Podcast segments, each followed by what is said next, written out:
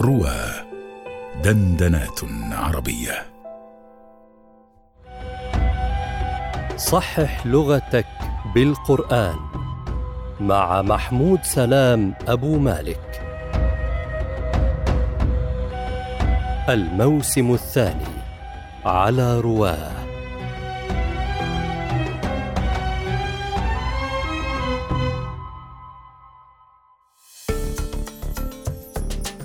كل عام أنتم بخير. كل عام وأنتم بخير.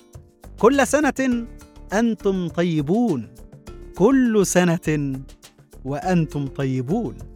هذه صيغ كثيرة للتهنئة ويختلف الناس ويختلف اللغويون ما بين كل وكل ما بين إثبات الواو وحذفها ما بين صيغ ما بين استخدام العام واستخدام السنة أليس كذلك؟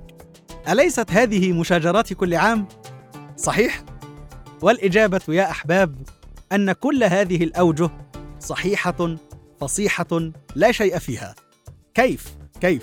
الأصل أن نقول كل بالنصب على الظرفية كل عام أنتم بخير كل سنة أنتم بخير هذا هو الأصل من غير واو فإذ يكون ترتيب الجملة حينها أنتم بخير كل عام.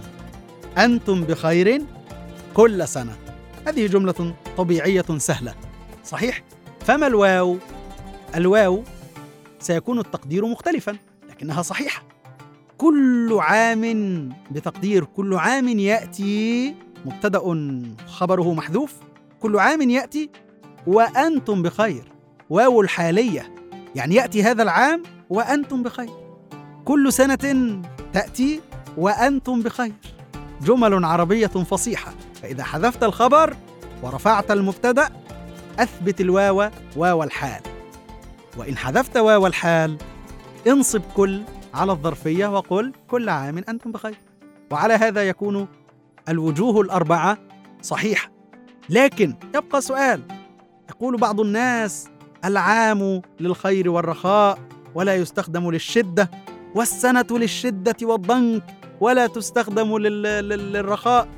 ولكن هذا لم يثبت في الحقيقة يعني. لم أقف على هذا الفرق في كتب لغوية. ولقد تحدثنا كثيرا في هذه المسألة وقلنا إنه لو كان ذلك كذلك لما قيل عام الفيل. صحيح لكن قيل عام الفيل وهو عام شدة. قيل عام أحد ولم يقل سنة أحد. رأيت الفروق بين عام و و و وسنة فروق بينهما فروق. ارجعوا إليها في الفروق اللغوية لأبي هلال العسكري لكن ليس من بينها الشدة والرخاء.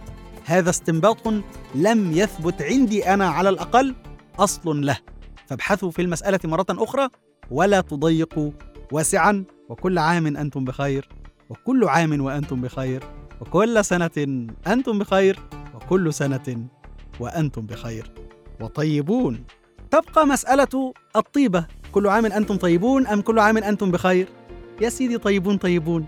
بخير بخير. كل عام نحن طيبون كل سنة نحن طيبون. كل عام ونحن طيبون كل سنة ونحن طيبون. محبتي لكم محمود سلام. أبو مالك. الله أكبر الله أكبر الله أكبر لا إله إلا الله الله أكبر الله أكبر ولله الحمد الله أكبر كبيرا والحمد لله كثيرا. وسبحان